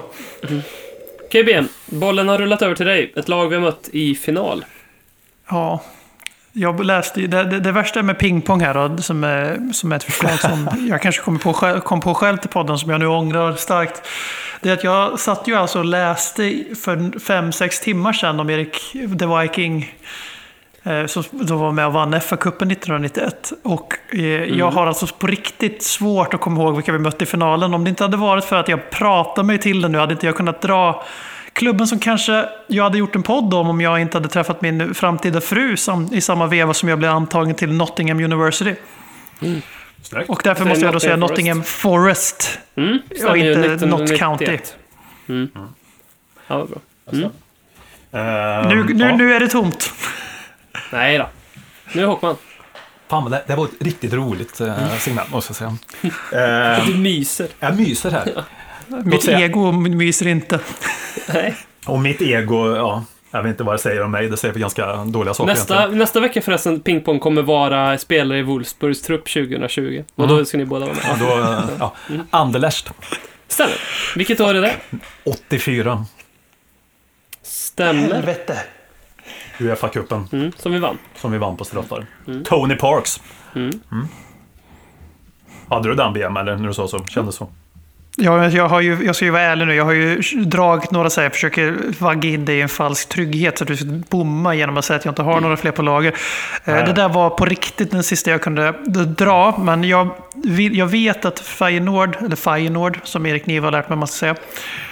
Eh, Som jag kanske har lite för bultande hjärta för, för mycket som Tottenham-supporter. För det borde man verkligen inte ha av många anledningar. Men Noll som ni kanske minns så var John Guidetti där och gjorde en hyfsat säsong. Eh, Så att eh, jag vill minnas att Bill Nicholson och en av hans mest ökänd, eller hans, en av hans mest kända citat är ju efter vi ska eventuellt, det här, jag kan torska nu för det kan ha varit semifinalen eller någonting, men jag säger Fey- Feyenoord, det är ju FA-cupen. Mm, det är rätt.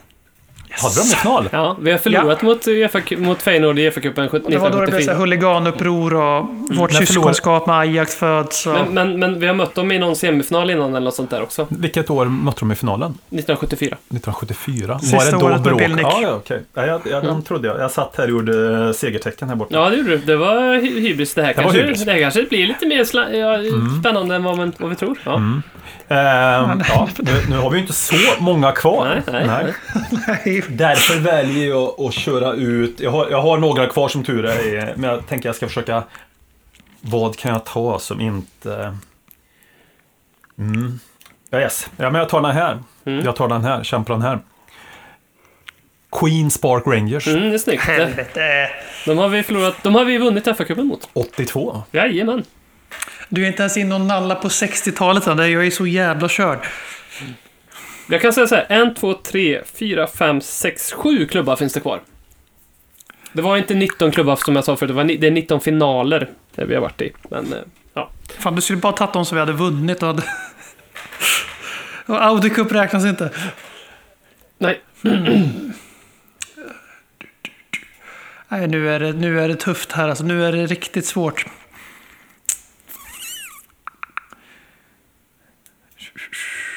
...60-talet, vilka kan ha varit bra förutom Tottenham? Det är det, alltså jag, 60-talet har jag bara lärt mig att vi var bra på. Och eh, Borussia Mönchengladbach på 70-talet. Eh, Ronny Hellström. eh, Kaiserslautern. Ja, Kaiserslautern. Martin Dahlin var det ju där. Ja, men inte 70. Säger du Kaiserslautern eller? Nej, nej, men det var ju för Ronny Hellström. Jaha. Mm. Eh, men eh, din reaktion där är antingen för att du vill att jag ska ha fel så att Håkman kan få sin vinst här. Som lite background till lyssnarna. Jag brukar ju så känna eh, ända fram till Jimmy var med i Kristaleta att, jag hade ganska bra fotbollskoll eh, och sådär. Håkman är väl den, om jag ska vara riktigt ärlig med mina poddmedlemmar, Håkman är väl den enda jag har så här mindervärdeskomplex när det kommer till fotbollsnörderi. Eller om jag ska välja, det är bara Robin som jag har lite övervärdeskomplex mot när det gäller till fotbollsnörderi. Tänk dig mitt mindervärdeskomplex varje, varje vecka vi spelar in en podcast som handlar om Så, fotboll. så, så nu sitter jag ju här och försöker prata igång hjärnan igen. Ja, men kom jag igen nu, dra dra till med något. Det, kom, det finns ju några solklara. Va? Eh, jag kommer att dra blankt här. Jag kastar ur mig Ipswich. Nej, de har vi inte mött i en final. Helvete. Då kan du få plock, plocka de här. En, två, tre, fyra, fem, sex, sju. Du måste ju ha en rätt nu då. Ja, ja, att- Leicester City. Jajamän. Och det är... När då? 99. 99, ja precis. Um, Nej, men har vad vi... fan, Wordsworth Cup. Worthington Cup, det är ju ligacupen. Jag tror... Jag tror... Ah, okej, förlåt. Då, då var det inget. Jag, jag tänkte kasta in ett veto mot den eftersom jag, men det är ju för fan ligacupen, det var inget. Ehm, jag tror... Ja, men sen mötte vi City 81, va? Korrekt. Uh, Wolverhampton i Uefa-cupen, var det 71? det? 70... Eller var det 72? 73? Två. 72 kanske Mm. till och med. Ehm, vad har vi mer? Fyra lag kvar. Ja, men jag tror det året vi vann dubbeln, 61, Mm. att vi vann FA-cupfinal mot Burnley. Nej. Nej. Åh, han åker ut för det. Han tog Mm. inte alla. Yes! Vilka, vilka tog vi i FA-cupfinalen Vi, 61 då? vi vann inte FA-cupen 1961. Förlåt, det är klart vi gjorde. Ja, Jag bara, eh, vi vann ju dubbeln först. Är det den här jag har missat så kanske du hade rätt här, för den hade inte jag med på min lista. Nej, jag Eller- kanske inte är bara se. vi kollar, vi kollar FA Cup Final det var eh, 19... Leicester City. Var det Leicester City det också? Mm, ja. 61? Okej. Mm. Och ingen Burnley någonstans alltså? Eller kanske? Nej, nej, nej. Det var ju dumt. Mm. Så att det var Leicester, förlåt, den här hade jag ju missat, men eh, jag missade säga att Men Leicester, Leicester var ju med två gånger då i Mm. sådana fall. Mm. Ja. Ja, Vi har ett spanskt lag. Har vi ett spanskt lag? Mm. Är det en riktig turnering eller någon sån jävla Maradona? Ja, cupvinnarcupen är en ganska stor turnering. Ja, den, är riktigt, den, här, Spanskt den här borde När vi vann den här Champions League 1963, fast det var inte Champions League, men cupvinnarcupen. Men... Ja. 63, ja just det, vi vann ju den 63. Ja. Mm. Cholo Cholo. De... Eh, Kieran är- Trippier. Ja, Atletico Madrid. Ja, var, ja, ja, Mm. just det, det stämmer. ja. Och sen så har vi eh, ett, Den lag, man, men eh, ett lag som BM eh, tycker gillar mottot på. Blackburn. Blackburn. Finalen Mm. i 2002, ligacupen. Varför i helvete drog jag till med glömde Ipswich istället för Blackburn? Men är den en av de mest anonyma cupfinalerna liksom? Ja, verkligen. Blackburn För den tänkte jag inte alls Vilket på piss. själv liksom. Ja. Nej. Sen har vi två lag till. Nils-Erik Johansson var med i det laget och vann mot oss, Åh, tror jag till och med. Jag Ja. tycker ju... Ni, det måste jag ta reda på. Arsenal har vi mött i en final också. Där vi dessutom vann. Det Ja, var, ja. Men det var Community Shield. Ja, ja, men då var det ju efter eh, vi vann FA-cupen. Precis. 91 då, Och sen så har vi Norwich. Eh, som vi vann. Ja, Ligacupen. Ligacupen, ja. ja mm. En av de första där på, um, på 60-talet va? 73. 73 till Mm. Ja, men det tycker jag ni gjorde bra ändå. Ja, men det tycker jag. Ja. Precis som den här podden som blev... Men det var ganska otroligt att man glömde bort Blackburn där, blev jag ändå tänka. Ja. Men tänk dig, du vet, vi var ju inte bra 2002 alltså. Nej, men Och- ändå, är ändå så pass i nutid, Ja. enligt mig då. Men, ja, men tänk dig för, en- för den gemene sportåskådaren när ligacupfinalen är mellan Tottenham och Blackburn. Va? Fantastiskt. Det här är alltså samma Tottenham som något, någon, någon fönster senare spetsvärvar in, eller till och med fönster senare måste det bli, spetsvärvar in Robbie Keane från Leeds. Så det säger väl en del om Mm. Vart vi befann oss då. Och Nils-Erik Johansson spelade enligt en snabb Google-sökning från start i finalen. Och om det stämmer så säger det väl allt om Blackburn 2020 2002 också. Graham Souness tränade de här för mig också. Det var väl inte heller någon fotbollstränare. Vem stod i mål Robin? I finalen för Blackburn? i- för Blackburn? Paul Robinson kanske? För Blackburn, Nej, men en Brad- annan Spurs-koppling. Brad. Brad Friedel, ja. Ja. Mm. Matchens lirare. Nils-Erik Johansson. För oss Nej, då, det var var Ian Brad Walker eller? Var det Ian Walker som stod för oss eller? Nej, får, Det jag ta den? Om jag tror jag vet. Ja, Nils Sullivan, kan det ha varit han? Mm, det är bra. det är nog en väldigt bra gissning. Jag, har ju, jag googlade ju bara Blackburn. Jaha, okej. Jag var tvungen, att, tvungen att se om... ja, men han stod, eller Casey Keller kanske? Vi är även denna vecka sponsrade av Google.